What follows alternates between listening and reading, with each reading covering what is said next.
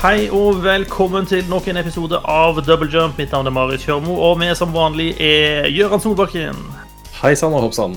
Håvard Ruud Hei på deg. og Susanne Berget. Hoppsann, hei sann. Er Godt å ha dere alle med oss. Eh, I dag skal vi prate litt grann om eh, Altså, det nærmer seg jo veldig halloween, så vi tenkte vi skulle komme med litt sånne anbefalinger knytta til litt sånn skumle ting. Egentlig så er vi vel eh, si, Tre av oss er skikkelig store pyser, og så er det én som jeg mistenker spiser demoner til frokost. Men eh, Jeg er litt, nå er jeg litt spent på hvem som faller i hvilken kategori. Ja, Det gleder jeg meg til. Jeg lar, lar lytterne få gjøre opp sin mening eh, utover sendingen. Eh, og vi skal innom eh, noen store spill. Et av de kanskje høstens største spill, som er rett rundt hjørnet. Eh, men aller først, eh, når liksom vi skulle gjøre oss klar til denne sendinga, så eh, slapp det en liten bombe eh, i spillverden. Og det er at Cyberpunk 2077 blir utsatt en gang til. Eh, i 21 dager, altså tre uker ekstra. Altså, bombe og bombe. Det skjer hele tida at uh, Cyberpunk blir utsatt. Mm, vi burde jo nesten være vant til det nå. Ja. Er det noen som egentlig bryr seg? Det er litt sånn Hvis du, Oh, wow. hvis, hvis du har fått hjertet ditt knust noen gang, folkens, så er det ikke sånn at da er du immun neste gang det skjer. It doesn't work that way. Eh, og dette er tilsvarende Nei, uff. Det er litt sånn Selvfølgelig, det er bare 21 dager. Vi vil jo at vi skal få et så godt som mulig spill. Alle All logikken er liksom på plass der, og det er greit. Men har jeg lov til å være litt sur grine og si jeg har lyst til å ha Cyberpunk nå likevel Det er lov å være lei seg. Um, jeg tipper jo at tallet 21 bare er et uh, frampek på at spillet ikke kommer før i 2021. Åh. Det ville vært rart, syns jeg, da, hvis eh, Altså, nå utsetter de det i tre uker. Hvis de egentlig trenger mer av de tre ukene, eh, eh, hvorfor ikke bare utsette det mer med en gang, da? Ja, nei, det, det ville vært veldig rart. Jeg er enig med deg i det. Jeg bare erter deg, for jeg vet du begynner å bli uh, usunt utålmodig. Head up med 2020, sånn generelt. Ja. Eh, I hvert fall eh, City Project Red eh, sier bl.a. at eh, grunnen til at de må gjøre dette, er utfordringene med å skulle slippe spillet samtidig på gamle og, og nye plattformer og streamingplattformer og alt mulig. Jeg tror de har ni ulike plattformer de skal slippe spillet på samtidig, og de må på en måte ha full eh, kvalitetskontroll over hele fjøla. Eh, I tillegg til at man jobber hjemmefra pga. korona. Så derfor trenger de den ekstra tiden. Og jeg jo, syns jo kanskje det hadde vært hyggelig å si fra til de som jobber med spillet, at de har tenkt å utsette det, så de ikke må finne ut av det på Twitter. ja. For det kom vel også ut eh, melding om nettopp at de ansatte fikk vite om det akkurat samtidig som vi andre dødelige fikk vite om det på, på, på Twitter. Det er greit Altså, nok at de jobber hjemme, liksom, men uh, det går jo an å sende, sende en liten e-post, da. Sånn, Ja, kanskje, kanskje en dag før. liten heads up. Enig der, Altså, altså. de, fleste, de fleste sånne litt større selskaper har en sånn alle at-mail. Ja. Mm. Eh, E-poster går også til hjemmekontor, faktisk. ja, det gjør faktisk det til, ja, til de aller fleste. Mm. Jeg er også ganske overbevist ja, om at men, eh, eh, ganske overbevist om at teknologifirmaer som CD Project Red også har noen andre eh, samhandlingsverktøy utover e-post, som kanskje også er ganske effektive til å gi korte meldinger på. Ja, det, det er jo lov å tro det, i hvert fall. Eh, det hører med til historien jeg leste et eller annet sted i en Jason Schreier-tråd at det ble sagt noe sånn som at de ikke kunne dele nyheten med de ansatte tidligere pga. Eh, noen regler knytta til eh, aksjemarkedet eller noe sånt. Ja, Det Det lukter bullshit lang vei. Ja. kan godt være, men nå er det i hvert fall sagt. Eh, Kan hende regelen er der, men det høres ut som en bullshit-regel. ja, regel, noen regler er faktisk teite. Ja, det er Eh. mange bullshit-regler, da, så det er, ikke, det er jo ikke utenkelig det heller, for så vidt. Men det hadde jo vært litt sånn Ja, men det, Man kunne liksom ha tenkt positivt på det og tenkt at ja, men så fint, da slipper slipper de som sitter og jobber med spillet, å jobbe 100 ukers timer, da. Da har de litt bedre tid på seg. Eller 100 timers, 100 timers uke, da, som det egentlig heter. Ja. Men da blir det vel egentlig bare tre uker til med 100-timersuker. Ja, men nå har de jobba 100 timers uker i et halvt år, da, så da klarer de sikkert tre uker til. Ja. Tror Ah, du, tror du ikke de får sånn to måneder fri etter at spillet har blitt sluppet? For det er ikke noe Øh. arbeid som trengs å gjøres da? eller? Nei, altså det er sikkert helt, helt uten bugs. Mm. Ikke Mm. noe post-patches, uh, post-launch-patches overhodet der i går. Nei, nei, nei. Bare stopper, stopper arbeidet. Mm. Jeg skulle jo Ja. tro at det ble sånn, når de har utsatt et halvt år og tre uker. Og tre ganger. Eh, at de liksom Nå blir det skikkelig bra. Men det kommer til å være mye, tipper jeg. Så det der med, med arbeidsforhold i spillbransjen er jo en litt sånn vanskelig greie, eh, fordi det er så internasjonalt. Eh, og det er ulike arbeidsregler, ulike lønnsnivåer over hele fjøla. Sånt. Um, City Project Red har jo på en måte vært eh, ute tidligere sagt at eh, nei, hos oss så skal ikke folk jobbe crunch i det hele tatt. Det skal være helt unødvendig. Og så viser det seg at det, det var visst ganske nødvendig likevel. Eh, så de måtte crunche. Men så har de vært ute og sagt noe om at ja, men vi betaler i hvert fall for den ekstra tida de jobber. Eh, som, som vi her i Norge ville tenke den største selvfølge, men det er det jo Mhm. faktisk ikke i mange land. Eh, og så hører det jo også med at CD Project Red hører, holder til i Polen, eh, og der lønnsnivået er betydelig lavere enn en del andre steder, som også gjør at de kan ha dobbelt så mange eh, hender i arbeid hele tida til samme lønna som en utvikler i, i Norge, f.eks. Mm.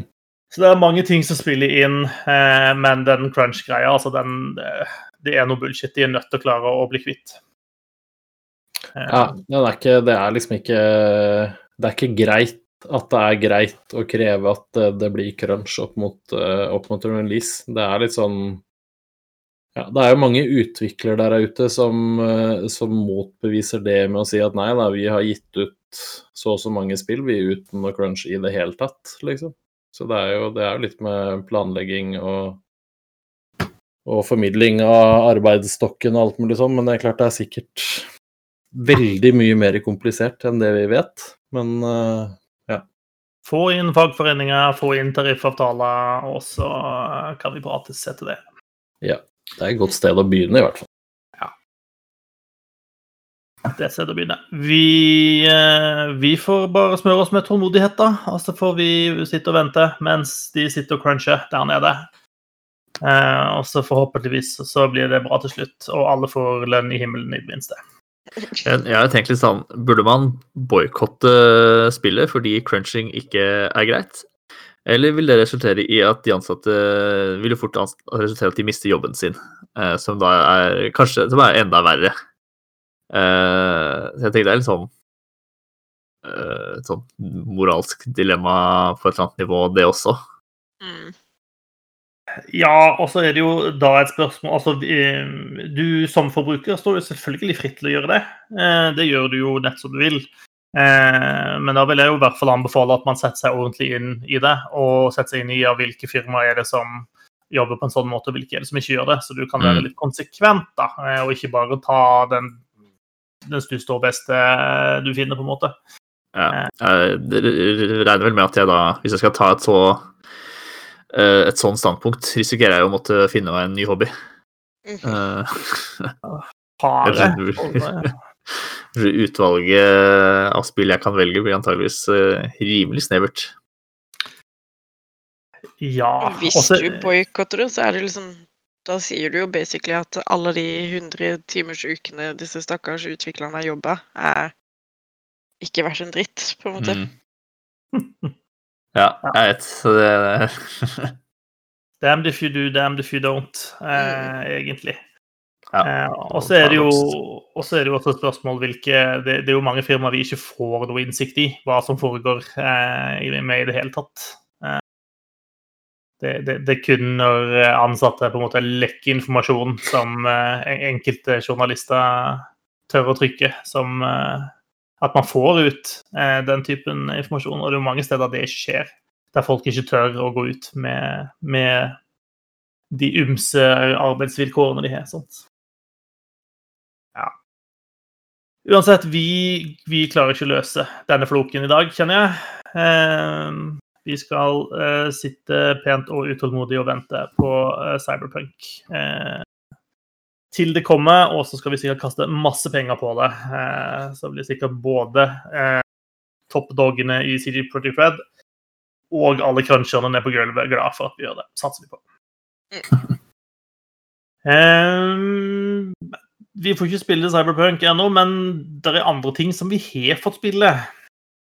Um, og jeg tenker jeg har lyst til å starte litt hos deg, Gøran, fordi du har spilt et av de spillene som i det i høst nok er knytta størst forventninger til, og sikkert knytta størst eh, markedsføringsbudsjett til, vil jeg tro. Ja, jeg har spilt uh, ganske mange timer på ganske kort tid av uh, Watchdogs Legion. Mm. Nå ble jeg plutselig usikker på om det er Legion eller Legions. Jeg trodde det var uten, uten S. En, Enkelttallet. Entall. We, we are Legion. Ja. Eh, ja. Det har jeg spilt uh, ferdig. Altså, jeg er ikke, det er ikke 100% alle aktivitetene her, men jeg har spilt det ferdig. Eh, ja, altså for de som da av en eller annen grunn ikke har fått med seg i dette PR-prosjektet PR-prosjektet rundt det spillet, så er det jo det er Watchdogs, det er spill nummer tre. Vi er i London. Um, ting skjer i London. Det, jeg tror ikke det er noe kjempespoiler å si at det smeller en hel haug med bomber. Deadsec, som da er denne snille hacker- hackergruppa som, eh, som liksom er heltene, de får skylda for alt det her. Det er ikke de som gjør det, er de som får skylda. Eh, og så er det et sånn tech-selskap, sikkerhetsselskap, som mer eller mindre bare tar over kontrollen over London. Eh, og så er det da opp til deg, stakkars, eh, stakkars enslige deadsec-fyr eller dame, eller gammel mann eller gammel dame, til å liksom sette i gang denne motstandsbevegelsen igjen. Um, jeg eh, valgte den mest douchey fyren jeg kunne finne, og han var en podcaster. Så det passer. Særlig som om en podkaster kan ut og gjøre en forskjell, da. Ikke sant? Uh, han er en kjempedust fyr uh, som uh, slutter alle setninger med en sånn bruv, så jeg får jo helt angst av det, men det er greit, det. Eh, Jeg tenkte det får, får bare eh, skli inn i rollen. Eh, men du begynner i hvert fall med en, en enslig fyr som blir på en måte aktivert. Og så går du inn, du begynner å hackle ting, og så finner du liksom en, en base som har ligget død. Setter i gang der, og så får du kontakt med da en av disse eh, mer eller mindre sånn gjenlevende av de gamle Deadsec. Eh, og så begynner du å få litt oppdrag, og du skal liksom begynne å finne ut hva disse Albion egentlig driver med. De er ikke veldig kule. De har en veldig sånn eh, totalitær kontroll over London, og de skipper ut eh, immigranter over en lav sko, og de det er ganske grovt maktmisbruk her, så det er jo tydelig at noe må gjøres, i hvert fall. Så dette er liksom Boris Johnson and Brexit the game, da, eller? Ja, sånn eh, mer eller mindre. Men jeg, jeg tror kanskje det er litt mer droner og litt mer avansert sånn tech her. Eh, Men bortsett fra det, så er vi, vi er basically London i 2020.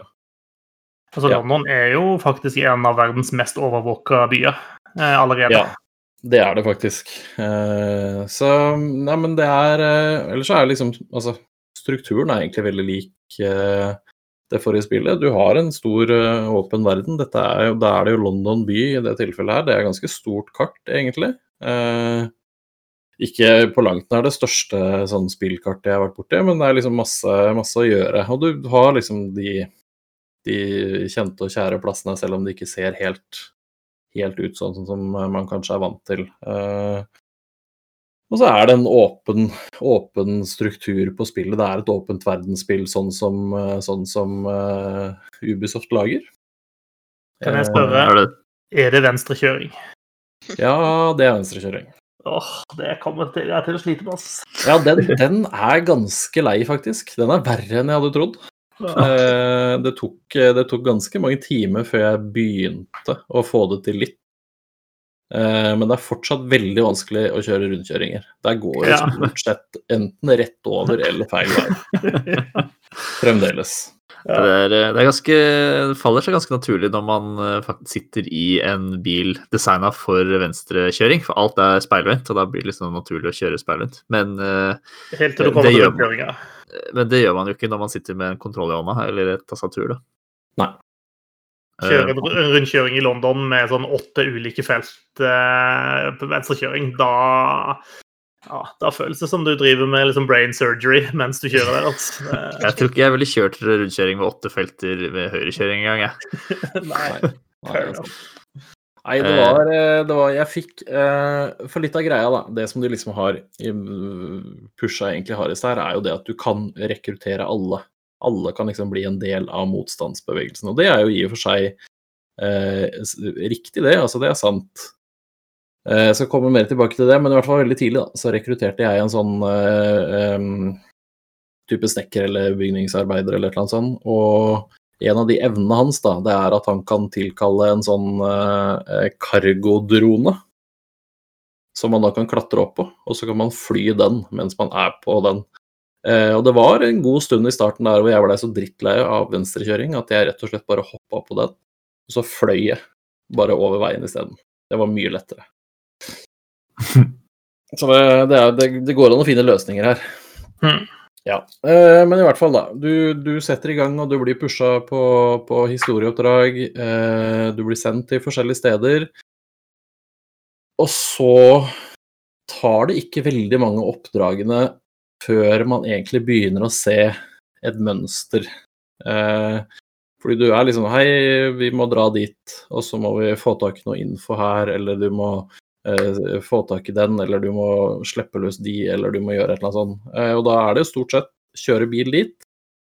Eh, I veldig mange tilfeller, da, så kan du egentlig bare eh, gå til bygningen, stå på utsiden, og så kan du trykke på sånn derre type hackeknapp. Så får du opp liksom Der er det sikkerhetskameraer, der er det droner, sånne ting. Og så hacker du deg inn på et kamera, og da får du liksom se fra det kameraet. Og fra det kameraet da, så kan du se deg litt rundt, og så kan du kanskje aktivere noen sånne feller. Eh, du kan eh, få oppmerksomheten til en vakt, og du kan tagge vakter rundt omkring. Eh, og så hopper du liksom, gjør du det her en del, og hopper litt sånn mellom kameraene for å få litt oversikt og litt sånn. Og så kanskje du finner en sånn, der, sånn robot-edderkopp som du kan ta styringen på. Og da kryper du rundt i, i sånne luftsjakter og sånne ting. Og så finner du denne boksen, eh, og så hacker du den boksen, og det eneste du gjør når du hacker noen ting, er bare å trykke på en knapp. Det er ikke et eneste Jo, det er én, et sånn type sånn eh, hacke minigame i et spill som handler om hacking, og det er eh, Det går sånne nesten sånne strømlinjer, eller eh, nettlinjer, eller hva det enn er. Og så må du snu på sånne forskjellige punkter, sånn at liksom strømmen går I stedet for at den går nedad til venstre, så går den nedad til høyre, og så blir den blå. Og så må du snu det neste liksom, krysset, så du leder liksom signalet til riktig sted. Så det er sånn Det er hacking foregår. Ja, det er sånn hacking foregår. Det er den eneste eneste liksom delen av hacking de har implementert og gjort til en spillgreie. Men er det, er det noe du gjør ofte? Er det noe du gjør hver gang du hacker noe, liksom? Nei, du gjør heldigvis ikke det hver gang, men du gjør det ofte nok, for det er ikke gøy. Nei. Det er ikke gøy i det hele tatt. Du må liksom følge en strek som er rød, og så finner du det punktet, og så kommer den blå inn fra venstre, og så trykker du to ganger på det punktet, og så går den blå linja også oppover. Yes, nå har du hacka. Bra jobba. Welcome to DeadSec. Yes. Uh, det er litt sånn kjipt, og jeg vet ikke helt Det kan hende det er urettferdig av meg, men jeg tenker da at man kanskje skulle latt kreativiteten løpe litt ekstra her, og så lag- lagd litt sånn morsomme sånne hacket minigames-type greier som gjorde at du faktisk følte at du hadde, tok litt del i selve hackinga. Eller bare kutter det ut i det hele tatt. Eller bare kutte det ut. Det er også en del. Eh, Det er jo egentlig det de mer eller mindre har gjort der. De har egentlig bare fjerna hele den. Du bare hacker. Du bare gjør alt. Du låser opp alle dører. eh, Du tar over alle Det er ingenting som egentlig er ut, ut, av, eh, ut av reach for deg. eh, i det hele tatt. Du trykker bare på L1, så har du hacka nesten alt du vil. Mm. Eh, og det er biler. Du kan liksom sende biler til høyre og venstre og opp og ned og alt mulig sånn. Er det noen spill som har bra hacking-minigame, egentlig?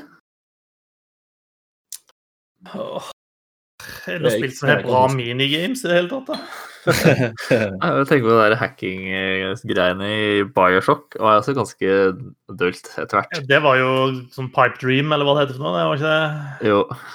Mm. Ja, men det er jo egentlig nesten litt samme prinsippet det du gjør her. Ja, ja, ja. Det For at det ser litt annerledes ut, ikke sant. likt ut, ja. Mm.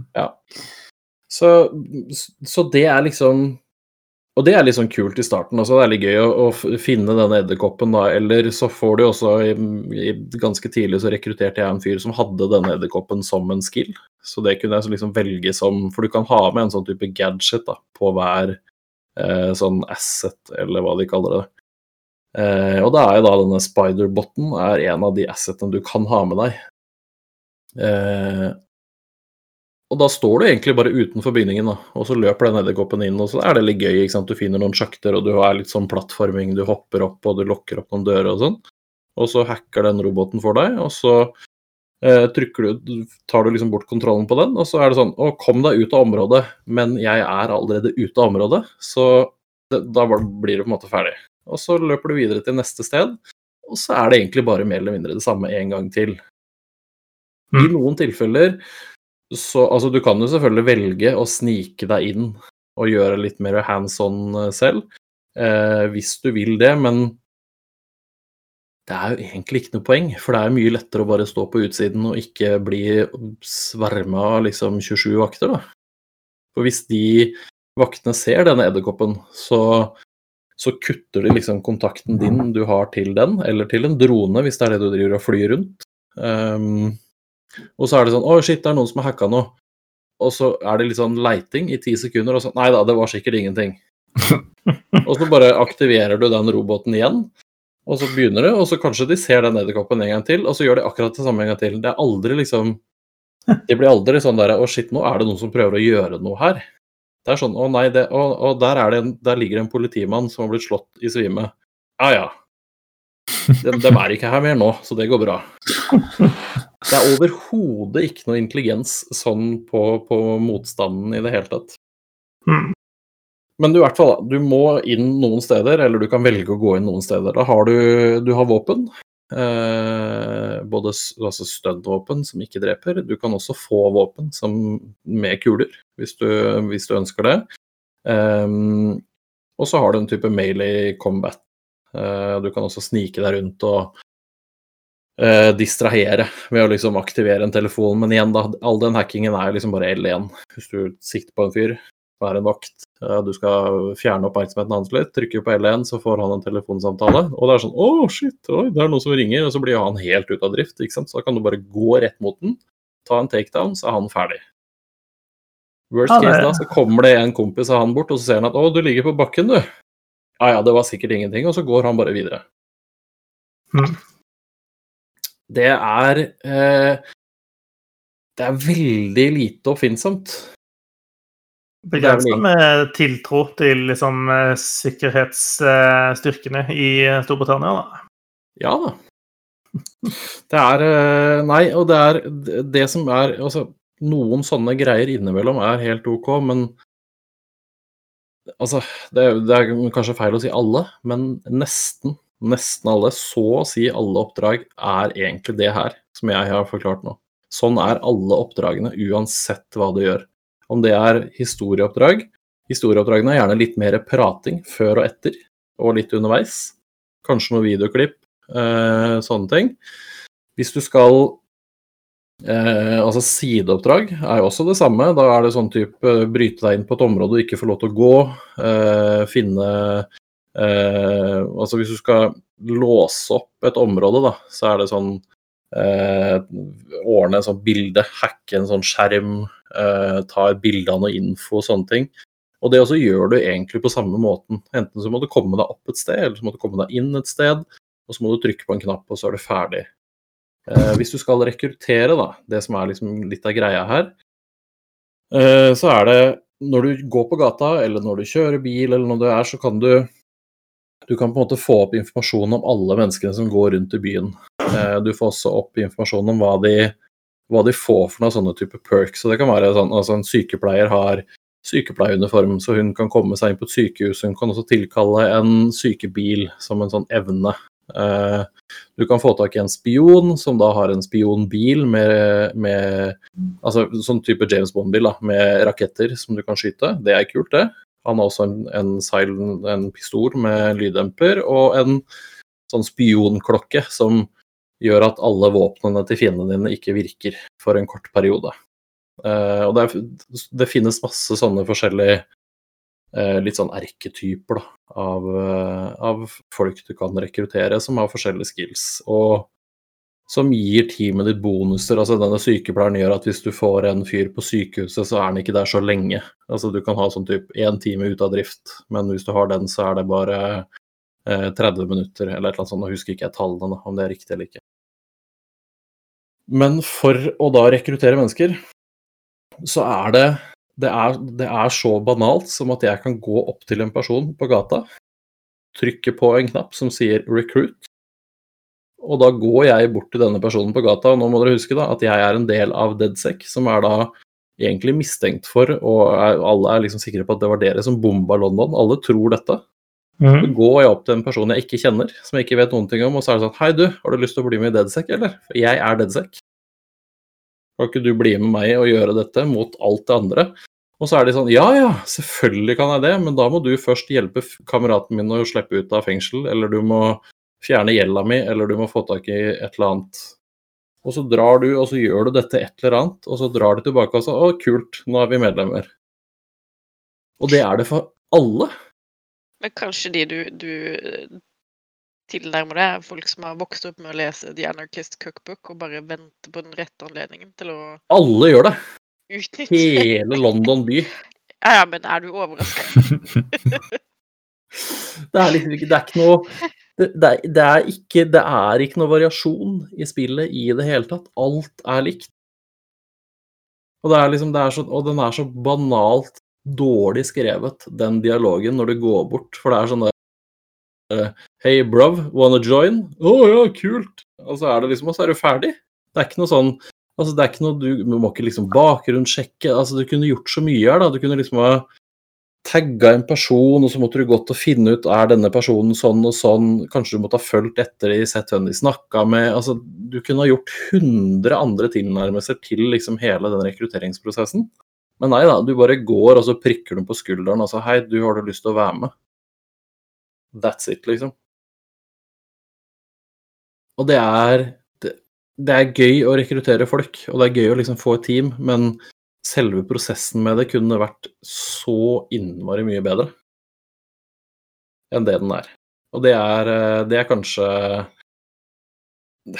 Kanskje den største kjipe tingen med det, er at det systemet er egentlig ganske kult. De har greid å få det til veldig kult med de forskjellige altså personlighetene og alt mulig sånn. Altså han spionen jeg fikk tak i, er en litt sånn eldre uh, Jamaica-mann med skjegg og liksom altså har den type dialekten. Han er kjempekul, han.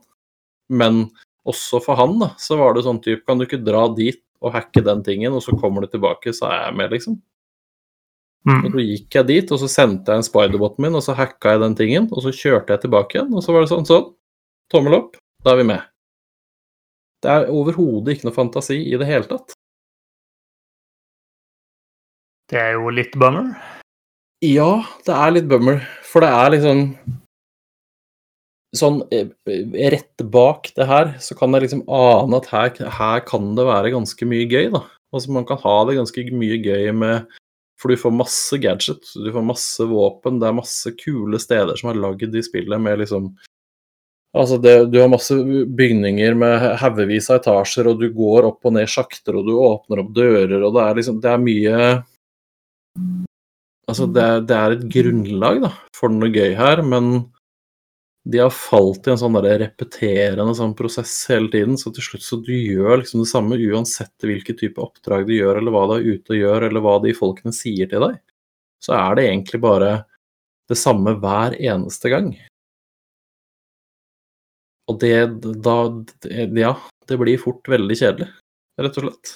Det var liksom periodevis gøy, og det er litt sånn Jeg vet ikke. Jeg lagde det mer gøy med meg selv ved å liksom gjøre det vanskeligere. Ved å liksom ikke bruke den der roboten, da, eller ikke gjøre sånn, men å heller gå inn og prøve å skyte meg vei, bare sånn for å få litt action. Men det er liksom ikke det som er poenget. Det er ikke det jeg skal gjøre som en deadsec. Så skal jeg liksom prøve å ikke bli sett. Og ikke bli merka. Og jeg skal i hvert fall ikke prøve å drepe noen. Det er liksom litt av greia. Da. At du skal helst ikke gjøre det. Det er sånn last resort, er å liksom begynne å skyte.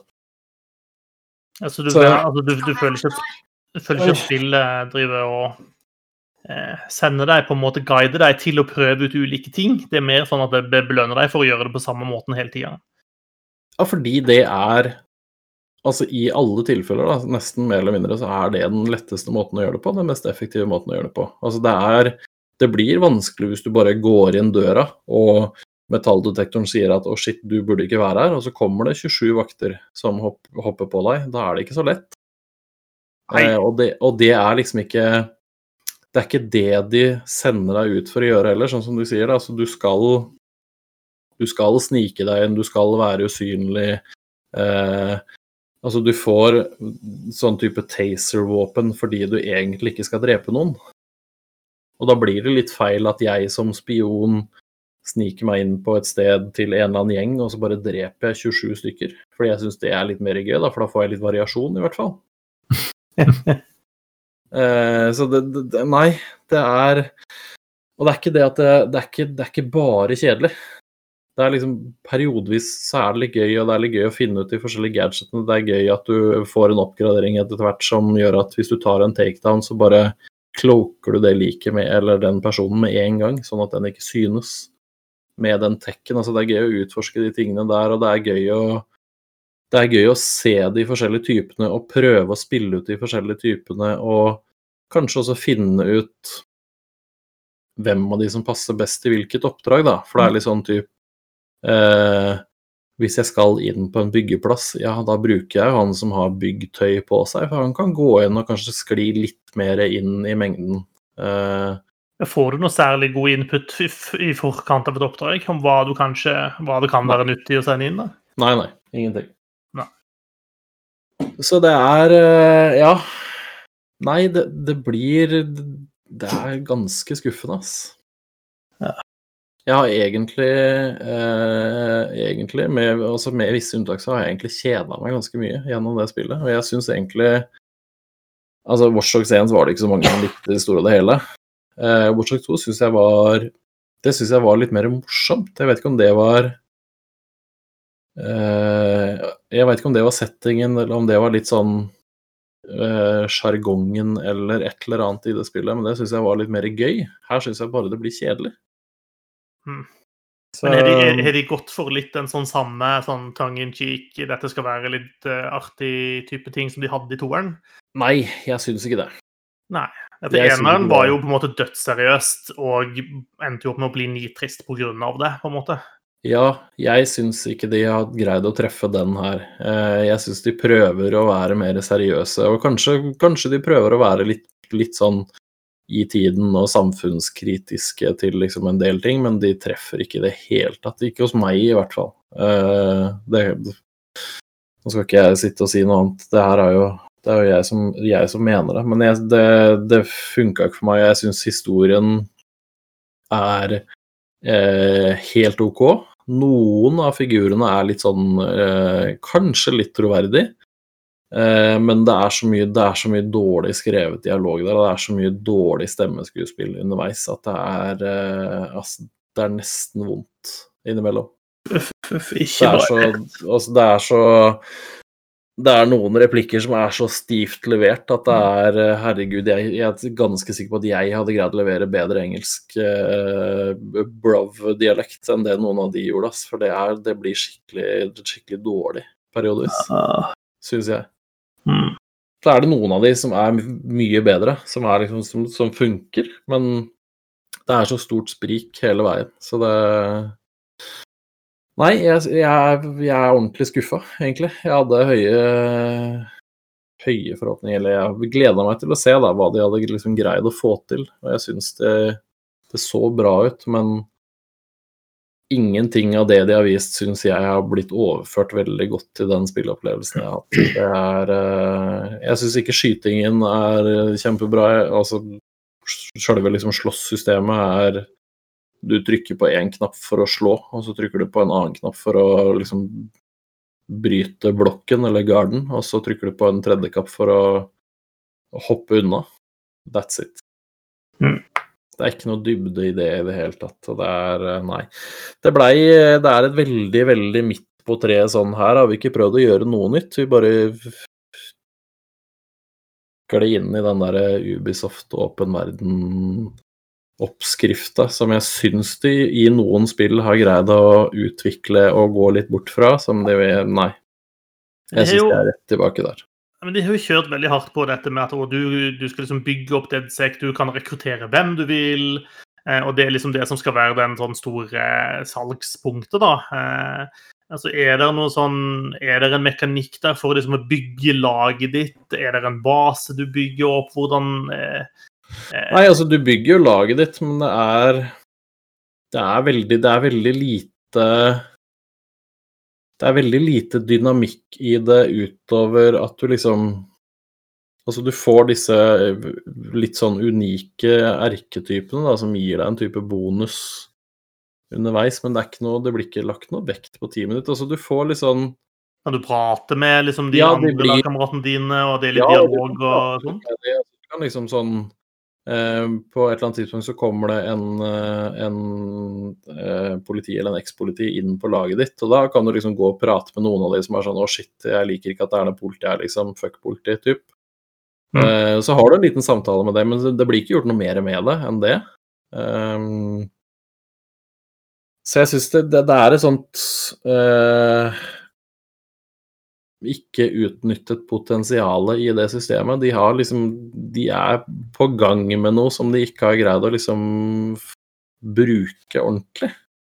Ja, altså den mekanikken der, da, den, den klarer ikke å bære spillet, for å si det sånt. Nei, jeg syns ikke den gjør det. Den gjør ikke det aleine. Eh, og en del, av, altså en del av det faller på at en del Altså, en del av stemmeskuespillet er horribelt dårlig på, på, en del av de du får inn. Eh, og at noen av de er liksom ufordragelige folk, det er på en måte én ting. Det er helt greit. Det syns jeg kan være litt gøy. At de er litt sånn uh, erketypisk uh, et eller annet, som han podkasteren, da. Eller, eller, den gamle gretne dama, liksom. Eller, eller hva det måtte være. Men uh, Nei, det, det, blir liksom ikke nok. De bruker det ikke nok i spillet til at, eh, til at det liksom bærer det. Litt, litt, sånn hvis man kan sammenligne med den derre Hva kalte de det Mordor-spillene?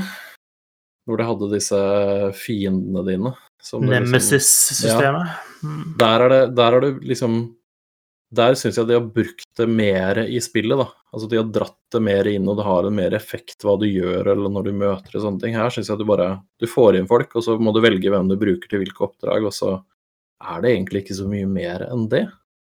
Og så hvis du er noe dialog underveis eller det skjer ting, så konfererer de litt seg imellom disse folkene du har eh, folkene du har rekruttert. Sånn og hva skal vi gjøre nå? Hva syns dere?' Sånn type. Men det er ikke noe du velger jo ingenting. Altså Det neste oppdraget blir på en måte plassert der, og du Uansett hva de sier, så er det liksom ikke noe Det har ikke noe å si. Kjedelig. Ja, jeg syns det er litt sånn Det er veldig midt på treet spill. Som ikke liksom Jeg syns ikke de har turt å ta noen sjanser. De har liksom ikke Nei, de har ikke gjort det Nei, jeg veit ikke.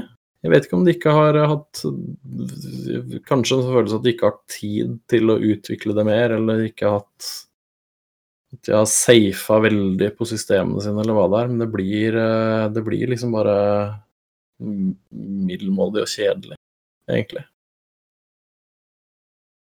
Alt sammen. Kjedelig, kjedelig, kjedelig. Er, så det, det, er ikke anbefalt å legge det spillet under juletreet til noen du er glad i, altså? Nei, jeg, jeg kommer ikke til å anbefale det til noen. Jeg gjør ikke det. Uh, nei, det, det kommer jeg ikke til å gjøre.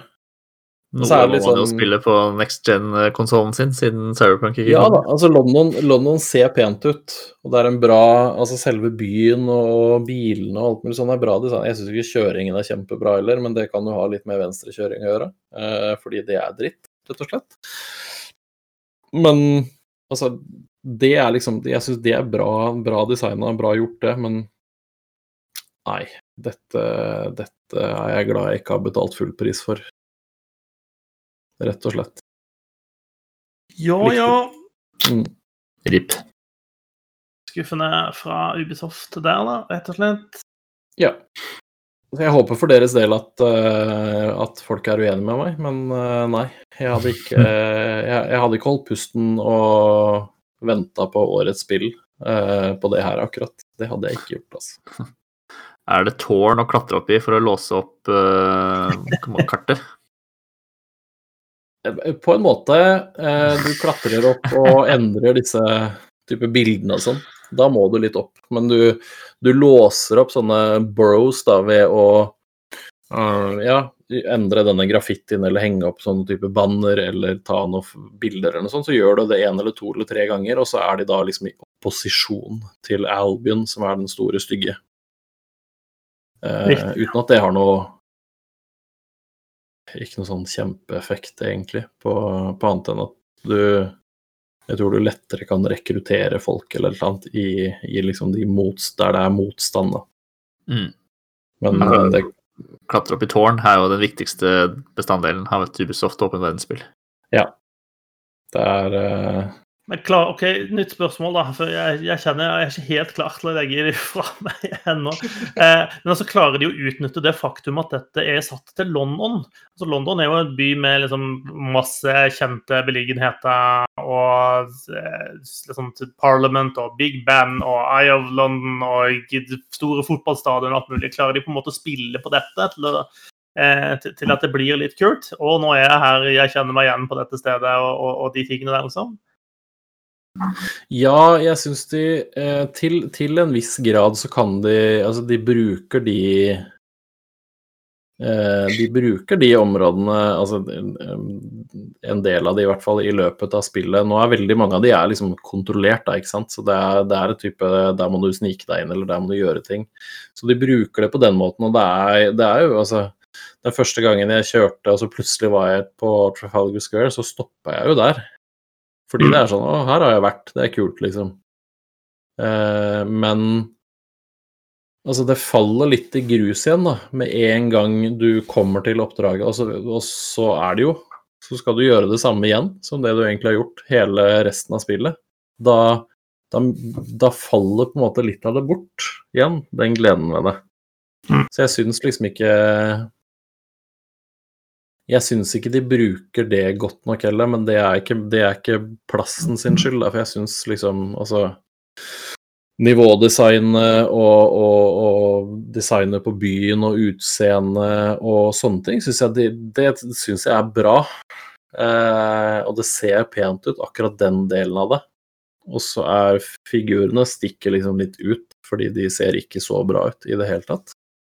Eh, så det, da faller det litt, litt tilbake igjen der. Men selve byen og hele det er vel egentlig det beste ved Watchdogs Legion, syns jeg. Altså selv Mm. hele den greia der, det å utforske det og, og, og se disse tingene. Men det er ikke det er ikke nok morsomme aktiviteter her til at det holder. Det er det som, det er det som liksom hele tiden gjør at uh, moroa blir dratt ned, er at det er, ikke, det er ikke gøy nok det du gjør. Det er ikke variert nok det du driver med. Hvor mange. Guy Fawkes-referanser møter du på i din gjennomspilling? Åh, det tenkte jeg ikke på engang. Jeg tror ikke det er så mange, faktisk. Nei, nei. Nei. Det- er kanskje smart. Mm. Nei, eh, jeg ble, jeg ble skuffa. Det er veldig, veldig sånn midt på treet-spill. Det er veldig lite som er Det er ikke så mye som er dårlig her, men det er veldig lite som også er veldig bra, da. Det er veldig lite som er bra her. Det er et veldig sånn safe Her skal vi på en måte helst ikke tråkke på noen noens tær i det hele tatt, type spill. Og det er litt sånn eh, Det har nesten blitt litt sånn typisk eh, Ubisoft-spill etter hvert. Eh, Ja. De har jo en sånn egen avdeling som jobber med liksom å forutsi samfunnsutviklinga, sånn at de kan legge spillene sine liksom tett opp mot det de tror er relevant når dette spillet skal være ferdig. Eh, og det er jo det du ser annet da eh, eh, resultatet av med, med Watchdogs Legion, og det er det samme som du så med Far Cry 5. Eh, men samtidig så er det jo nettopp som du sier, de tør jo ikke egentlig å ta noen standpunkter. De tør jo ikke egentlig å tråkke på noens tær, annet enn eh, kanskje å gå så langt som å si at nazis are bad, liksom. Nei da, det er liksom på det, på det nivået der, og det er sånn Hei, det er ikke kult med rasisme. Nei, OK. Ja, Eh, nå var dere tøffe. ja sant. Det blir, eh, det blir veldig safe, dessverre. Jeg syns det, altså. Det Ja, det er litt synd å måtte si det. Jeg hadde veldig lyst til at det spillet her skulle bli kult, men uh, No can do. Og det der er noen sånne der eh, fæle memes som går ute med sånn eh, bilder av disse dataspillene er apolitiske, og disse er politiske. Eh, Og de som er politiske, er et spill vi da ikke skal like, apparently. Og det er sånn Alt er galt eh, med de memesene. Eh, ja. Eh, så, ja. og folk som ikke skjønner at liksom eh, Folk som tror at liksom, Bioshock var et ikke-politisk spill. Det er sånn, hva, Ja. hva, hva er det med dere? Ja. Oh, wow. Ja. Ah, Mm. Jeg skjønner ikke hvor det er hvor liksom, at popkultur ikke skal ha noe politikk i seg, for det har det alltid hatt. ja, det er sånn Ja, OK, kanskje Super Mario ikke kjempepolitisk. Så hold deg til det, da. Altså, men ja, nei. Dataspill er et medium som definitivt kan, og i mange tilfeller bør, ta opp eh, politiske utfordringer, og kanskje til og med ta noen standpunkt innimellom. Eh, det tror jeg vi alle er enige om her. Greit. Eh, klassisk Ubisoft på det punktet der, og skuff at Watchdogs Legion ikke slo, eh, falt bedre i smak hos Gjøran enn det gjorde. Ja. Jeg eh, Dette kommer jeg ikke til å spille igjen, for å si det sånn.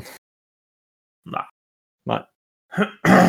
Da tror jeg jeg hopper rett videre til Susanne, eh, for du har også spilt et nytt spill. stemmer det? Eh, Du har spilt Dark Pictures Little Hope, og hva er det for noe? Eh, det er et spill som gjør at du sitter igjen med, med lite håp for resten av resten av episodene i denne eh, antologien, for å si det sånn.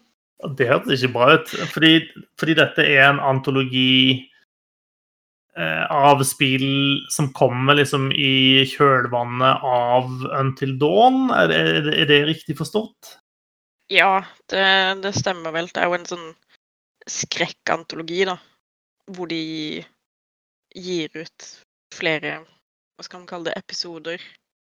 Eh, hvor alle spillene minner, er skrekkspill som, som minner litt om Until Dawn. Det første var jo Man of Medan, Mm. hvor du har en gjeng med folk som blir fanga på en båt eller et eller annet, og så skjer det fæle ting. Og så er det noen som dør, og så er det noen som ikke dør. Kommer litt an på valgene du tar i, i løpet av gjennomspillinga. Um, I Little Hope så har du en gjeng med folk som havner i eh, busskrasj og blir stuck i en liten by som heter Little Hope. Som er omringa av en tåke som gjør at de ikke kan forlate byen. Hvorfor gir de sånne navn til byene sine? Du vet jo at ting kommer til å gå skeis der på et eller annet tidspunkt, når de heter noe sånt. Ja. Hvorfor ikke bare kalle det Big Fuck Up Town, eller There Goes Sale? ja. Demonville, Just Ja. Stay Away. Welcome to Murder Valley. Ja. Eh, ja, jeg syns de burde gjøre det, bare for å være litt sånn up front med Mm. hva som kommer til å skje der. Uh, men ja, de blir stuck i denne byen, og så prøver de å finne Prøver de å finne folk som kan hjelpe de, uh, men byen er jo så klart flatt for lenge siden, fordi gruvedriften eller et eller annet faenskap ble lagt ned for I don't know, 30 år siden. Eh, alle husene er liksom falleferdige, og det er bare én fyllik igjen i byen som sikkert ikke finner veiene ut. eh, som sitter på en bar og er superduper kryptisk og, og sykler rundt i denne tåka da og skremmer eh, heltene våre ved forskjellige anledninger. OK. Ja, det, det er en sånn weird mekanikk der som egentlig aldri blir forklart, men av og til når det skjer skumle ting, så er du nødt til å trykke på noen av knappene i takt med noe hjerteslag eller et eller annet bullshit, jeg vet da faen. Eh, og hvis du bommer, så tror jeg encounteren blir til en sånn Du møter en fiende eller du møter et monster, men hvis du greier å treffe på alle hjerteslagene, så er det bare en sånn harmløs Å, hå, du trodde det var et monster, men det er egentlig bare en fyllik på en sykkel. gotcha. OK. okay. Det er mange, jeg- mange besøk av han på sykkelen i løpet av en runde. da. ja, altså, vi har jo bare spilt gjennom første akt, og han har dukka opp sånn to ganger, i hvert fall. Og vært litt sånn Surprise, it's just me, town drunk. han er tydeligvis også Borat. eh, I, I dette spillet. Det ser litt ut som han eh, som dukker opp i Papers, Please. Med falskt pass og Mm. Prøver en seks-sju ganger. Ja, det blir liksom Det blir en sånn type greie, da. Eh, og den første gangen er jeg litt sånn åh, oh, det er morsomt. Nå trodde jeg det skulle bli skummelt. Mens andre gangen er jeg litt sånn You fuckers. Nå.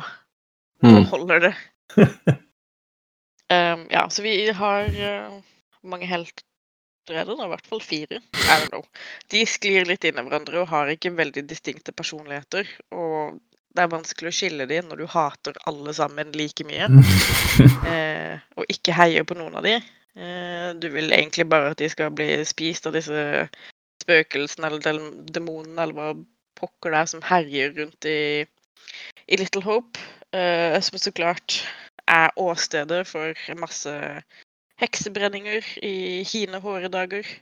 Eh, akkurat som Salem. Og så er det litt sånn Blair Witch Project-vibber med noen creepy dokker og noen pinnefigurer og noen runer og noe drit og Ja, det er, det er mye som foregår, men så langt så føles det ikke ut som det har noe spesielt mye sammenheng. Det er bare sånn La oss putte masse creepy elementer, og så putte de i en sånn Silent til type lignende by, og så ser vi hva som skjer. Eh, Så eh, blir det bare dårlig. Man hater som sagt alle karakterene. De er dritirriterende. Men ikke det, er ikke det håper jeg, en sånn klassisk uh, scary movie-trope? da? At karakterene er dust i utgangspunktet? Jo, jo, men du bør jo alltid ha liksom i hvert fall én du kan heie på. Mm. Eh, som Ja, Du skal ikke heie på monstrene og håpe at alle, at alle dør, liksom? Nei. det sånn. Nei, det er litt det jeg gjør nå, da. I, Ja. i Little Hope. Jeg er liksom bare ah, Fuck it, bare, bare spis de. Bare riv av de huet. I don't care. Men så har Å nei, da bomma jeg på de hjerteslagene igjen. gitt til sett. Det var et uhell. Eh, Men så langt så har vi spilt såpass bra at ingen av de har daua, så jeg er litt sånn skuffa. Eh, og mellom hver akt eller hver, hvert kapittel, eller hva man skal kalle det, så dukker det opp en slags curator-fyr som sitter i et bibliotek og oppsummerer historien du har spilt så langt, for å prøve å gi historien kontekst og helhet, men du blir bare sittende der og tenke Hva faen var det du nettopp sa? Ingenting av det du sier, gir mening. Jeg skjønner ikke en dritt. Denne historien er bæsj. Alle replikkene er liksom veldig løsrevne eller dritdårlige. Og så driver de og prøver å skape drama mellom noen av karakterene ved at to av karakterene dater, og så prøver den andre karakteren å finne ut av det. Men det er liksom, den karakteren som prøver å finne ut av det, er 50 år gammel. Og er litt sånn Å, dater dere? Holder dere hender uten å være gift? Eh, og det, det blir liksom ikke noe mellommenneskelig drama der overhodet. Selv om alle karakterene er veldig oppi trynet på hverandre og veldig aggro når de snakker. Eh, du kan jo så klart gjøre dialogvalg, men det virker jo ikke som det spiller så veldig mye rolle hva du sier, eller hvordan forhold du har til de andre karakterene. Og så er det veldig tydelig når du gjør et valg som skaper en ny grein da, i historiefortellinga. Fordi klippinga blir helt jævlig. Eh, for det er tydelig at det skulle gjerne ha gått én vei, men så har du typ valgt noe annet, og så må den plutselig klippe til den riktige måten å gjøre ting på, og så blir det bare Nei, fuck. Det er som å se på Altså, det er som å se på um, et eller annet TV-show på MTV, hvor de klipper i 1000 bilder i sekundet. Eh, så det blir veldig ubehagelig å se på. Og hittil så er det ingen av valgene vi har gjort som gir så veldig mye mening, selv om spillet får det til å virke som det skal være veldig betydelig, da, og ha mye å si for spillet videre, fordi det dukker opp mye sånn bearings updated, secret found, bla, bla, bla. Men så langt så kan jeg ikke se hvilken innvirkning det har på spillet overhodet. Ja. I tillegg så er liksom kontrollene er så jævlig clunky. Det er liksom å prøve å navigere en dampveivals gjennom en labyrint av veldig godt konstruerte vegger, men som gjerne dekker for halve kameraet, så du ser jo faen meg ingenting. Eh, og så skal du i til gjengjeld liksom gå rundt i mørke bygninger og lyse med lommelykt for å lete etter clues, og så kan du ikke se liksom halve rommet fordi det er en vegg i veien hver eneste gang du sitter der. og hver gang du går liksom mer enn tre skritt, så flytter kameraet seg. Så du ender opp med å gå i en helt annen retning enn det du egentlig hadde planlagt, fordi retninga du går i, er jo så klart basert på eh, hva du ser på kamera, hvilken hvilken retning kameraet ser, da, på en måte. Ja. Så jeg, ja, jeg, jeg, jeg er litt sånn litt litt sint på hele spillet, fordi det, det er langdrygt. Og det støtter seg enormt mye på jumpscares. Vi har hatt den samme jumpscaren seks ganger nå. Den er nøyaktig den samme jump scaren seks ganger eller noe sånt i løpet av første akt. Og det er ikke skummelt. Spillet er overhodet ikke skummelt, og det skal liksom være et skrekkspill. Eller en skrekkfilm med quicktime events. Det kommer litt an på hvordan du velger å se på det. Um, jeg blir litt sånn Åh, fuck det her spillet. Det kaster bort tida mi. Og jeg hater det. Uh, og jeg håper alle dør, og veldig fort, så jeg slipper å spille det mer. Uh, så jeg, jeg vet ikke om i dette tilfellet nysgjerrigheten min kommer til å overvinne det faktum at jeg syns spillet er dritt. Uh, så jeg, jeg tror rett og slett ikke jeg kommer til å spille, spille det ferdig for å se hvordan det går. Eh, med disse fjompenissene som driver og kuker rundt i den lille drittbyen. Jeg skjønner at alle har flytta. Faen, altså. Det var, det var klar tale, i hvert fall. Uh... Nei, nei, altså, det er to tomler opp fra meg. Alle burde kjøpe dette spillet. Åh, ja, OK. Da kan vi styre unna det også. Det er jo litt sånn Det er jo det er jo Supermassive Games. Det er de samme utviklerne som lagde Until Dawn, men det er kanskje ikke helt samme budsjett, da. Eh, Det er vel ikke de samme name recognition på, på skuespillerne her, for eksempel, og sånt. Nei, altså den, ene den eneste skuespilleren jeg har kjent igjen, er han kiden med øyenbrynene fra We're the Millers. Eh, og det eneste det gjorde, var at vi fikk veldig lyst til å se We're the Millers. Eh, Det er en morsom film, ass. Ja, så vi gjorde det istedenfor å spille. og det var time well spent sammenligna med å bruke mer tid på Little Hope. Ja.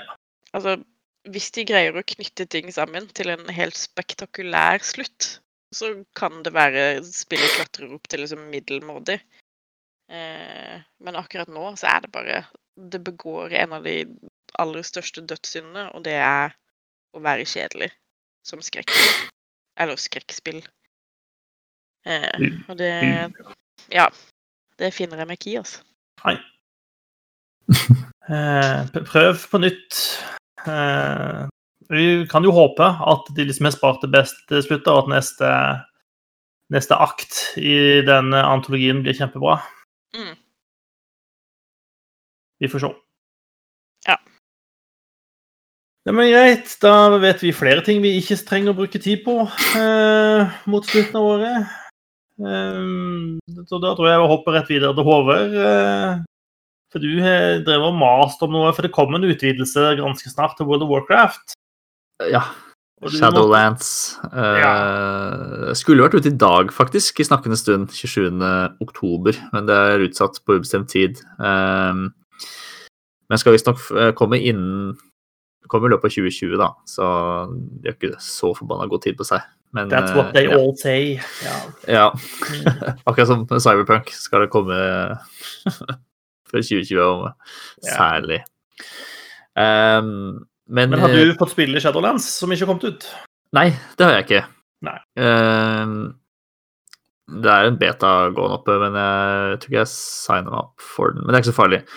Uh, men det har kommet en pre-patch ehm, som implementerer uh, de aller fleste av endringene som kommer i Shadowlands. Um, men du får ikke alle de nye områdene og sånn, da. Um, og kanskje Eller den største uh, endringa er jo at uh, for første gang så si, blir man Senkes nivågrensa, så du kan bli eh, Level 60 er høyeste nivå igjen. Fra 120 som det er i, i eh, Battle for Azeroth. Um, eller som det var i Battle of Azeroth inntil for en uke siden, eller sånn, da denne pre-patchen kom. Um, så da har de, de har utført en eh, level squish, hvor liksom alle, alle tall har blitt uh, krympa eh, i takt, holdt jeg på å si. Så man Fjer- Fjerne noen nuller på slutten, liksom? ja, eh, rett og slett. Um, så man gjør uh, mindre skade, men alfinene har også mindre helse, osv. Uh, og det er sikkert litt, uh, sikkert litt sunt. Det litt, jeg syns jo det var litt tullete liksom, når du har 400 000 HP og, og mer, um, og slår for 14 000-15 000 og sånn, syns jeg, eh, synes jeg var litt tullete, da.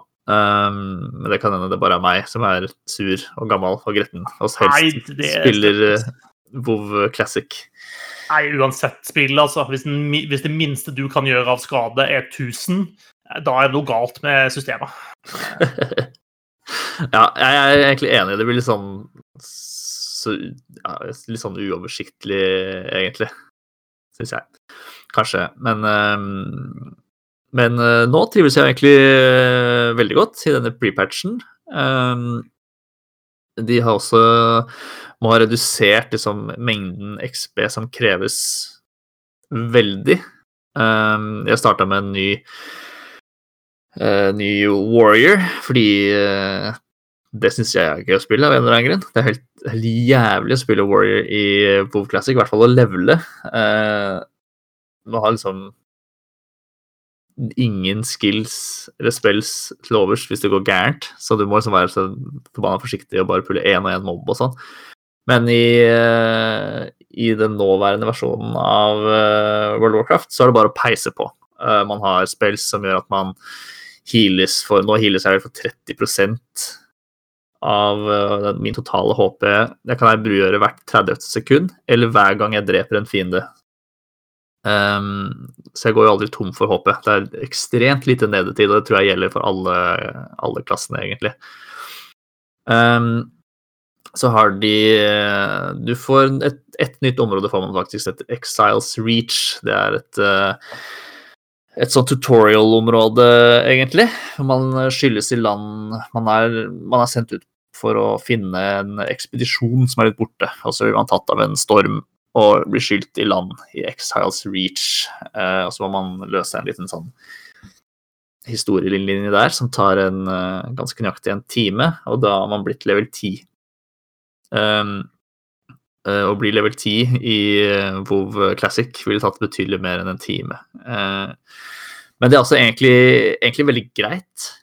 Vi se, altså jeg har spilt eh, totalt åtte-ni timer, tenker jeg. Ja, litt under ti timer på denne nye warrioren som heter Tom Tanks.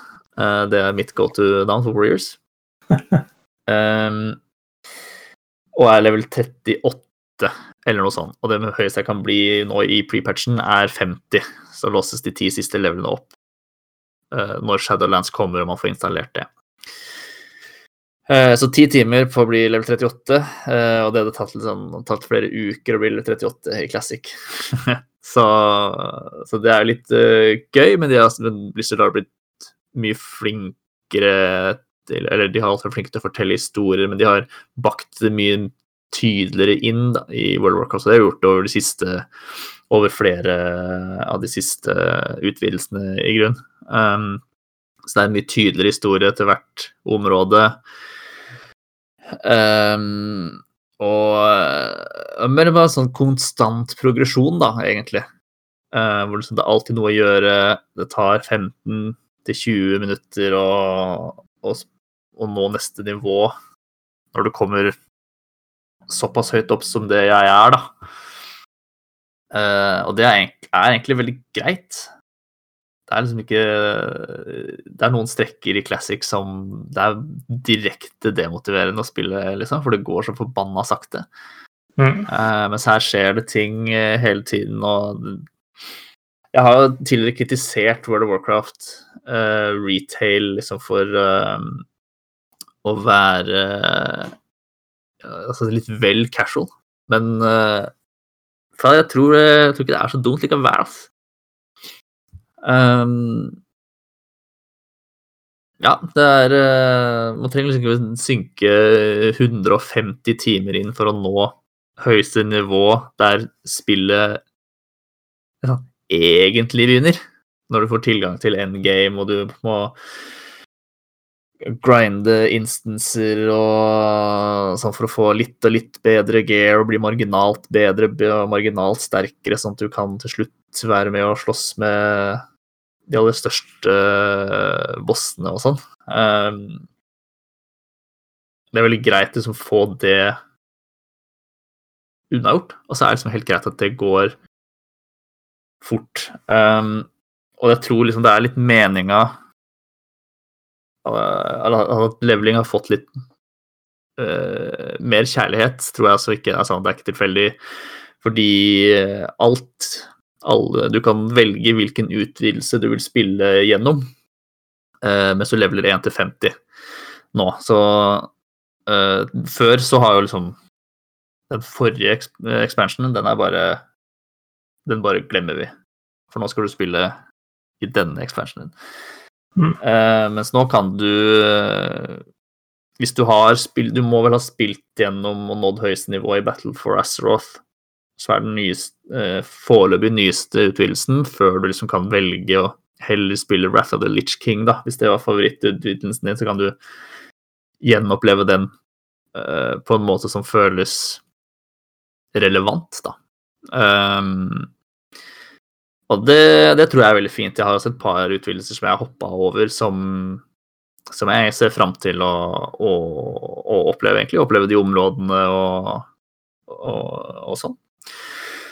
Uh, så det syns jeg er uh, uh, Foreløpig syns jeg det er veldig, er veldig gøy. Det holder på å bli litt for sent de kveldene jeg spiller Har spilt denne pre-patchen. Um, så det er litt sånn, litt sånn hellig uhell at jeg Eller litt bra at man blir kommandert hjem på, til hjemmekontoret igjen. Uh, så jeg ikke har, trenger å stå opp så tidlig for å komme meg på jobb. Trenger bare å rulle opp av senga og sette meg i stolen. Får liksom en time ekstra jeg kan uh, bare fortape meg i, i, i Azeroth på. Um, så det syns jeg er litt. Aldri så gæli at det ikke er godt for noe å si. Nei, det er ikke det. Så jeg tror Eller jeg syns denne pre-patchen og jeg tror Shadowlands kommer til å bli veldig bra. Jeg tror sånn World of Warcraft blir veldig altså, mer tilgjengelig. Ikke at sånn, terskelen for å spille World of Warcraft har bare blitt lavere og lavere med hver utvidelse som går, da. Men eh, det er noe med at alt det tidligere innholdet er plutselig relevant og, og tilgjengelig igjen, som bare gjør det uh, Ja, det er ekstremt mye innhold tilgjengelig. Um, så World of Warcraft har liksom aldri vært større enn det er nå. Um, så jeg ser egentlig veldig fram til Shadowlands. Jeg ga litt blaffen i Battle of Asteroth, egentlig. Jeg gadd vel nesten ikke spilte vel sånn to leveler da det kom, og så syntes jeg det var litt uh, kjedelig. Og så spilte jeg vel opp til 120 da jeg fikk sånn Jeg fikk en gratis uke spilletid eller noe sånt. Uh, så bare peisa jeg gjennom uten å egentlig uh, føle noe. Uh, men, men, nå har jeg det gøy på ekte, faktisk. Det, det, det, det, er jo bra når man spiller spill, at man heller det gøy. Ja, det, er jo det. Jeg har hatt en liten sånn periode hvor liksom, jeg har ikke lyst til å spille noen ting. altså det er liksom, Man blir som man bare tyr til uh, de samme tinga, da. Altså, du går i Overwatch, og det liksom Jeg har ikke lyst til å begynne på noe nytt. Altså, jeg tror det er litt sånn Jeg venter på den, en ny Xbox, en, en ny konsollgenerasjon, og, mm. Jeg er ikke så interessert i å spille Der fokuset mitt ligger der, da, så er det veldig godt det som å, å finne noe nytt i World of Warcraft å spille som ikke bare spille classic om og om igjen. For det gudene vet at jeg har brukt nok timer på. Nei, men bra. Det, det, lover jo bra, da, når vi en gang får, får klørne i Shadowlands. Ja. Så jeg tror eh, Og jeg syns jo det er gøy å levele fordi eh, liksom de den utviklingen man har når man leveler, er jo mye større enn når man er på høyest nivå og må få litt bitte litt høyere item level og det mm. der som Gøran syns er gøy. Uh,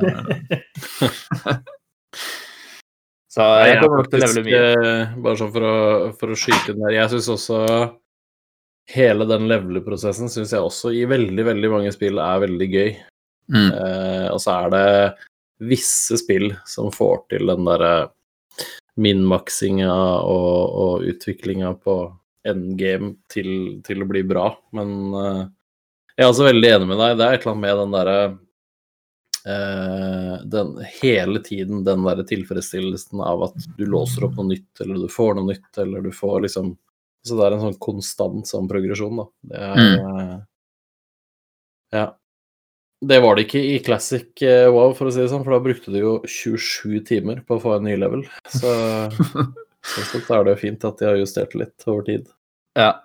ja det, det, Jeg har vel snakka om det før også, men hvordan du I Classic så er du liksom bare en liten bit i den store verdenen, mens i Så er det liksom verden som er hovedpersonen i Classic, mens i de nyere uh, utvidelsene av World Warcraft så er, man, er det karakteren De er din karakter som liksom blir hoved, uh, hovedkarakteren i fortellinga, da.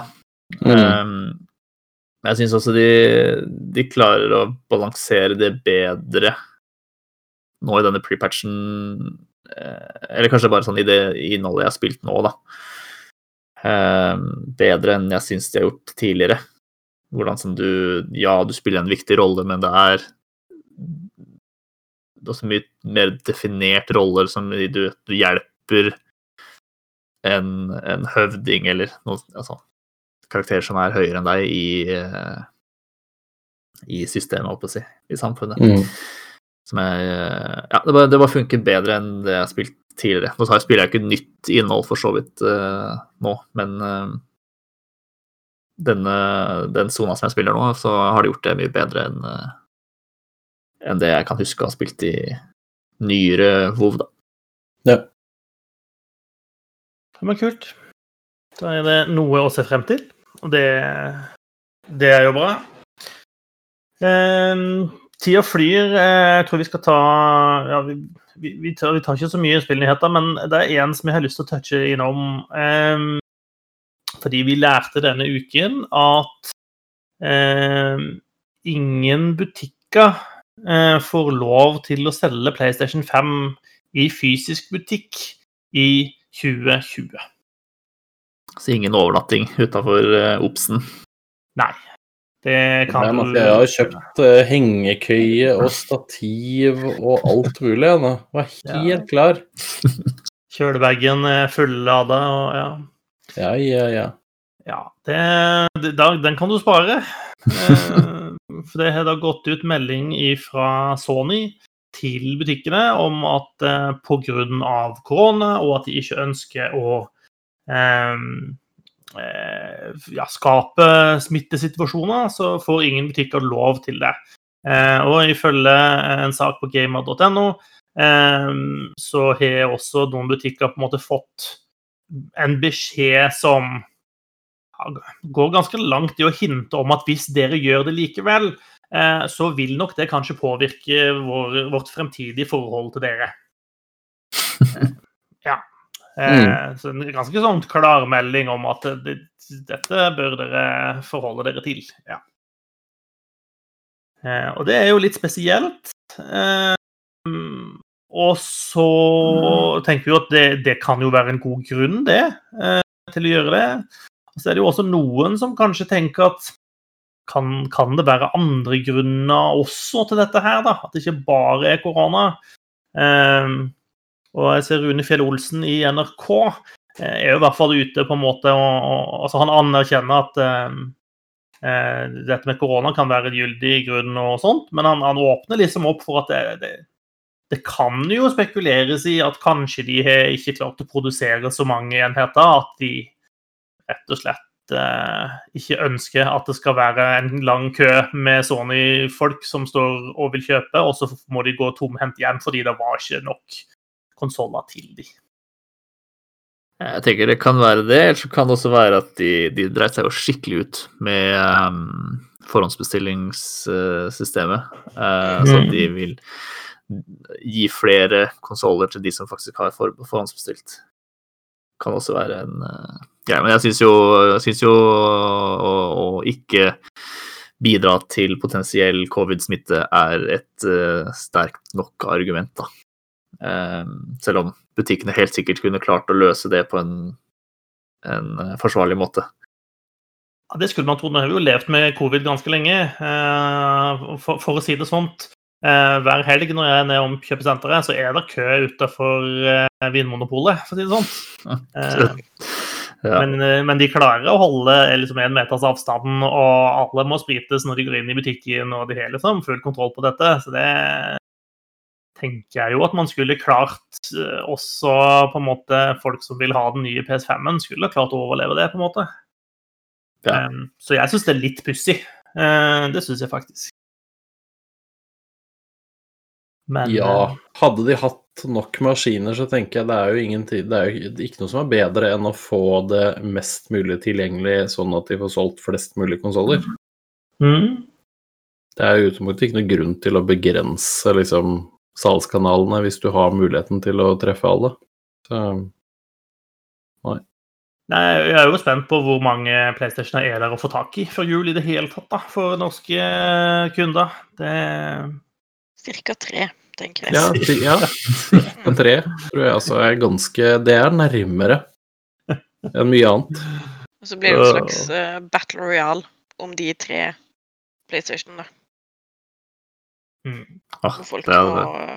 må slåss om å få Det Det mest. heftig. Verst er du hadde sikkert fått deltakere til noe sånt også, vet du. Eh, Mm.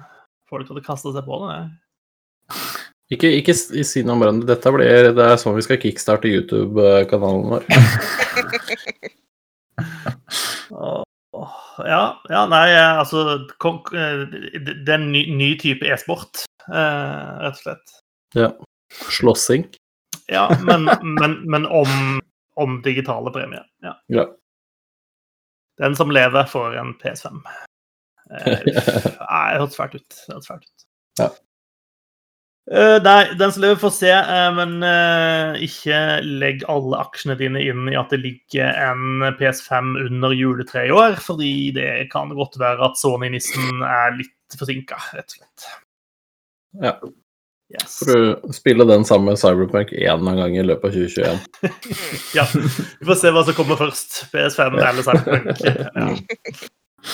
Eh, det er snart halloween, folkens. Mhm. Eh, dette er jo en eh, høytid med lang tradisjon og bygd på sunne verdier og Ja. Du bare dra til helvete. Så jeg tenkte at dette må vi jo på en måte ha fokus på også her i Double Jump. Eh, for det er jo eh, om, om ikke noe vi nødvendigvis ønsker å forholde oss til så veldig mye sånn i hverdagen, så er det jo blitt en god unnskyldning til å liksom se en skummel film eller spille et skummelt spill eller sånt. da. Og sånn, den biten av det syns jeg for så vidt er helt grei. Jeg kan godt uh, spise litt knask og, og ha det litt gøy hjemme i min egen stue uh, og og skru av ringeklokka, sånn at alle kidsa må gå til nabohuset isteden. uh, Det kan jeg godt gjøre. Eh, Så jeg hadde litt tenkt å høre med dere om dere har noen anbefalinger til hva, hva kan våre lyttere ta, ta, ta seg til eh, når på en måte koronaen eh, vanker utafor og man skal mure seg inne eh, i halloween. Og vi Tenker kan begynne med Gøran. Ja. Tenker du spill, eller tenker du alt? Nei, altså du, Begge deler? Alle deler? Spooky shit? Ja. Ja. Um, det var godt at du kom med det her sju minutter før vi skulle begynne, så man rakk å tenke sånn nøye gjennom det. Det setter jeg pris på. Nei, det, dette, dette kom mer enn 20 minutter før sendinga. Ja, men det var da jeg logga på og så det. Ja, se det, det ja, Don't shoot the messenger for at du ikke lukker opp døra for han, altså. Og det er 20 minutter i 2020-tid, så det kan Ja. være alt fra tre sekunder til 500 år. Ja, true, true, true. Sant. Jo. Eh, hvis jeg skal anbefale en film, eh, så ville jeg sagt It Follows. Oh, ja. Mm. Er Veldig, den, ja. veldig bra.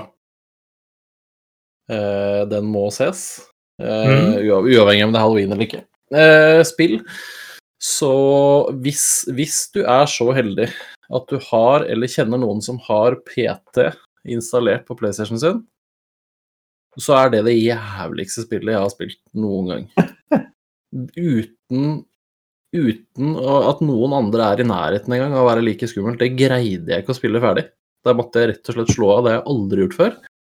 Eh, Så hvis du har muligheten så, altså det, er sånn, det er litt sånn eh, slemt, kanskje, å anbefale det, men det er det skumleste eller ekleste eller mest creepy spillet jeg har spilt sånn. Um, av litt nyere spill, hvis du skal ha en hyggelig halloweenkveld sammen med, med din kjære, eh, så synes jeg i hvert fall at, og det synes også kona mi, at det var gøy å spille Until Dawn sammen. Det ble nevnt tidligere her. Eh, for det er litt sånn Litt mer sånn eh, lettbeint eh, gjøre noen valg og få litt panikk, og så er det noen som dør-type eh, skrekkspill. Eh, det høres ut som det er bedre enn eh, Dark Pictures-spillene til samme utvikler, heldigvis. Og så syns jeg også Resident Evil 7 er, eh, er et godt alternativ her, altså. Føler de er litt på vei på rett kjøl igjen med Resident Evil-spillene. altså. Ja, det syns jeg. Absolutt. De er veldig på, på rett sti her. Gode anbefalinger. Eh, Susanne, er du noe å tilføye her? Ja Skal vel alltid eh, greie å komme med noen anbefalinger. La meg bare kikke kjapt rundt i rommet. Dark Pictures, Little Hope, kanskje? Ja. Uh, window sofa.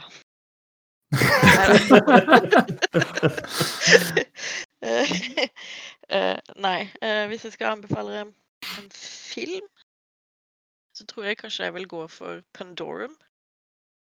Som er en sånn Oh. Mm. Som er en Mm. sånn sci-fi skrekkfilm med en utrolig kul twist. Eh, jeg har ikke lyst til å si for mye, fordi det er så gøy å bare oppdage ting samtidig som hovedkarakteren i filmen oppdager ting. Mm. Eh, men den anbefales. Eh, kjempebra skuespill. Eh, skikkelig sånn mørk og dyster og creepy. Eh, og bra soundtrack, for så vidt. Um, Det høres jo veldig ut som min ting. Hvorfor har ikke jeg sett dette før? Hm. Nei, det, Ja. God anbefaling. altså. Ja, ja, da må du bare sette deg ned og se med en gang. Eh, av spill så tror jeg kanskje jeg vil anbefale Ride to Hell Retribution, fordi det er skummelt hvor dårlig det spillet. Det er nesten sånn jump scare-dårlig, det, faktisk. Mm. Så det, det er mine anbefalinger. Den er god. Håvard? Em, film ja, Det er jo noe av det verste jeg vet, er jo eh, film og spill som eh, får meg til å skvette. Sånn jumpscares og sånn er jeg ikke noe fan av. Em, men jeg så likevel eh, A Woman in Black. Daniel Radcliffe-filmen fra 2012 er så jeg for noen år siden. Den sto oppført som thriller på, på Netflix, men uh, jeg syns det var mye skumlere uh, enn en, en thriller burde være. Uh, jeg syns ting som er spennende, liker jeg veldig godt. Ting som er skummelt, ikke så godt. Den eh, er mer skummel enn spennende, vil jeg si. Eh, The Woman in Black der, altså. Eh, og spill Da vil jeg kanskje nevne Fear, så First Encounter Assault Recon, hvor du spiller som en slags supersoldat som var inne i et sånn Det er vel en sånn slags fabrikk eller et sånt sånn anlegg eh, hvor det skjer eh, mye mystiske ting. Um, og ja, du har blant annet sånne krefter så du kan eh, skru ned eh, eller bremse tida og sånn, så du eh, beveger deg fortere mens Eller ting beveger seg sakte rundt deg, da. Um, hvor det er en sånn eh, Jo, det er et sånn eh, eksperiment som har gått gærent. Et, en sånn liten uh, Eksperimentet er en liten jente med hvit nattkjole og mørkt hår hengende foran ansiktet, som eh, er veldig, veldig farlig. Um, det syns jeg var skummelt. Ja, det, det er det nok. Eh, Jeg kan også legge inn et par anbefalinger. Eh, Jeg, litt som Gjøran, jeg, jeg, jeg liker ikke jump scares. Det syns jeg er altfor skummelt. Så jeg anbefaler ikke ting som er sånn type skummel i det hele tatt. Fordi det, de som liker det, de, de skal forholde seg til det. Men hvis du er sånn som meg og ikke liker sånne ting, eh, så kan du f.eks. se filmen eh, The Wicker Man. Eh, og da mener jeg ikke den remaken som kom på 2000-tallet en gang med Nicholas Cage, men den originale Wickerman fra 1973 eh, med Christopher Lee. Det er en utrolig kul skrekkfilm eh, som eh, på en måte snur litt opp ned på hele skrekksjangeren, fordi det is- istedenfor å liksom være mørk og skummel og, og snikete og creepy, så er den på en måte det alltid lys. Eh, Og alle folkene er blide, og det er mye synging, og det blir faktisk ganske skummelt ut av det også etter hvert. Um, Så den kan jeg absolutt anbefale. Eh, Det er også det puppe- puppeadvarsel. Eh, Der er en eller annen pupp i den filmen også. Så Som ligger bare liksom slengt rundt forbi, eller? nei, En vilkårlig pupp som bare pang, der er den, og så blir den borte igjen. Det er, er noe nakenhet eh, ute og går eh, i filmen. Det, så du, om, du, om, om det gjør at du får mer eller mindre lyst til å se den, det får være opp til deg. Eh, når det gjelder spill, ja, jeg har to som ikke er kjempeoriginale, kanskje. Men jeg anbefaler å spille Alan Wake, hvis ikke du har gjort det. Det er et spill med en utrolig god atmosfære, kult eh, univers som de skaper. Eh, så liksom skytemekanikken er litt så som så, og du går og veiver med den lommelykta og sånt, men, men eh, universet i Alawake er kjempekult, eh, så det anbefaler jeg. Hvis du vil ha noe som er enda mer sånn lett og artig og moro, så kan du spille Left 4 Dead sammen med noen av vennene dine. Det har jo nylig fått nytt innhold av alle ting. Eh, og litt sånn gøyal zombieslakting sammen med vennene dine, det, det er jeg åpen for når som helst på året. Eh, så det, det syns jeg er en bra anbefaling. Kan jeg skyte inn en film til? Skyt. The Witch Mm. 2015. Den har jeg hørt mye bra om. Å, den er eh, eh, den, jeg veit ikke, om den kanskje- jeg vet ikke om den er skummel, men den er, den er ordentlig creepy og sånn ekkel. Det er sånn uggen, uh, uggen uh, film. Hun som spiller hovedrollen der, er altså så innmari flink. Kult. Ok, men Hvis du får skyte en, en film til, så vil jeg skyte et spill til. Skyt. Zoma. Yeah. Åh. Ja, Mm. det er helt jævlig. Uh, vi var tre stykker som satt og spilte det sammen, og allikevel, med liksom fullt lys på og hele pakka, og allikevel så er det det er noe av det jævligste jeg har vært borti. Ja, det lyddesignet i Zoma, det er kult, altså. Jeg har ikke spilt det ferdig, for jeg syns også det var guffent. Men jeg har spilt nok til at det var ja. Jeg har heller ikke fått spilt det ferdig, for jeg måtte dra hjem fra Lillesand før vi greide å, å fullføre det. Men fy faen. Det er dritskummelt, og det er skikkelig, skikkelig spennende, fordi den historien er dritinteressant. Eh, og var vel omtrent eneste grunn til at vi turte å spille videre, bare fordi vi var sånn Holy fuck, vi er nødt til å vite hva som skjer. Eh, ja, det anbefales på det varmeste. Eller grøsseligste. ja. Eh, Frictional Games som lagde Zoma, er jo også i disse dager ute med et nytt spill. Eh, Amnesia Rebirth, for de som er kjent med Amnesia-serien. Eh, jeg har ikke spilt den siste versjonen sjøl, men de forrige spillene var ordentlig creepy, og ryktene skal ha det til at Rebirth er ganske creepy. det altså. Så hvis du vil ha noe som er rykende fersk, så kan du jo sjekke ut en anmeldelse eller to av Amnesia Rebirth eh, og se om kanskje det kan være noe for deg. Eh, Jeg skyter inn eh, The Park. eh, Det kan jeg støtte. som er Funcom han har laget. Eh, man tråkker rundt i en nedlagt for, eh, fornøyelsespark og eh, skal vel avdekke et eller annet mysterium eller hva som har skjedd der også. Det er ganske, ganske guffen stemning. Absolutt. Det er et ganske kult spill, egentlig. Eh, Du kan lese min anmeldelse av det på gamer.no-spill. Jeg tror jeg hadde åtte av ti, men jeg hadde en veldig good time mens jeg spilte det. Og Mm. det var også ganske creepy. Og så er det en turn eh, mot slutten der som eh, gjør det enda mer creepy. Så absolutt. Så er det ikke så langt heller. Det tar bare en par timer å spille den, tror jeg. Ja, noe sånt. Du klarer det i én eller i hvert fall to sittings. Så Ja. Alt etter hvor mye pause du trenger da for skumle ting. Noen av oss trenger kanskje flere. Vi kunne sikkert ha prata langt og lenge og lenge om langt eh, om skummelspill, eh, men jeg tror vi gir oss der nå. Eh, så skal du få nyte halloween-skumlinga di i fred. Eh, og så er vi tilbake igjen om en ukes tid. Takk for at du hørte på. Har du ros eller ris eller tips eller triks, eh, så gi oss gjerne en lyd på sosiale medier. Det syns vi er kjempeartig. Eh, fra meg sjøl og Håvard, Gjøran og Susanne, takk for nå, eh, og hei så lenge. Snakkes da. Hei sann.